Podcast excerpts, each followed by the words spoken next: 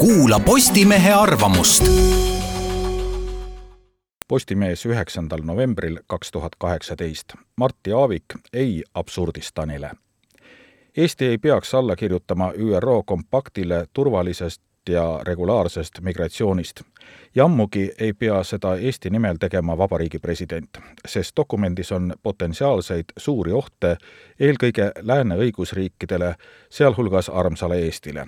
Samas on see meie oma ühiskonnas täiesti läbi arutamata.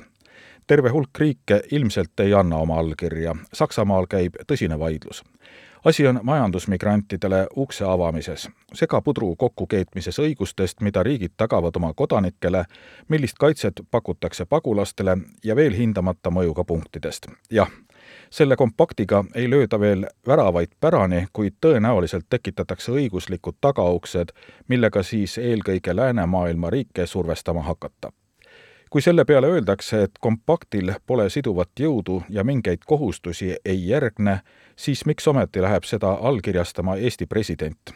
võib-olla jagaksime oma riigipea allkirja üldse suvalistele paberitele. rahvusvahelistes lepingutes ongi aga konkreetsetest punktidest tähtsam poliitiline suunavõtmine mina võtsin dokumendi ja teema ette mõne päeva eest. arvasin, et vast on sellest lihtsalt olnud ajakirjanduses vähe juttu. asi on aga palju hullem. meie valitsus ei ole seda pakti esitlenud isegi meie parlamendile. miks? praegu teadaoleva plaani põhjal kavatseb Eesti valitsus sellele allakirjutamist pretsedenditult kõrgel riigipea tasandil. miks? kas peaminister ja välisminister tahavad enne valimisi vastutusest kõrvale nihverdada? Pole mingit põhjust rääkida pateetiliselt parem- või mis tahes populismi tohutust ohust, kui valitsuserakonnad on ise valmis sellele ohule hagu alla viskama. ei ole kusagil näinud põhjendusi, millised Eesti ees seisvad probleemid see kompakt lahendab. miks seda kompakti vaja on? peale oletuse, et tahtes saada ÜRO Julgeolekunõukogu ajutiseks liikmeks, pole võib-olla hea mõte valijaid, see tähendab ÜRO liikmesriike, mitte millegagi pahandada. kui nii, siis see on veel eriti ohtlik mõtteviis.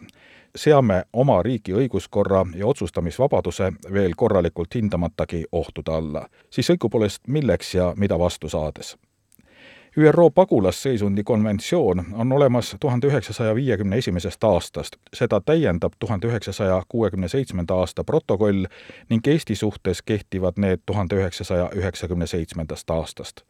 asüüli andmist reguleerivad lepingud on ammu olemas ja ka toimivad. konsulteerisin asjatundjaga, kelle väide oli, et kui asjad lähevad ses osas viimastel aastatel üle kivide ja kändude, siis eelkõige moodsamat sorti kombega tõlgendada pagulust ebamõistlikult laialt veel üks aspekt. kompakt annab juhiseid ka selle kohta, kuidas tuleb avalikus sõnas migratsiooni käsitleda.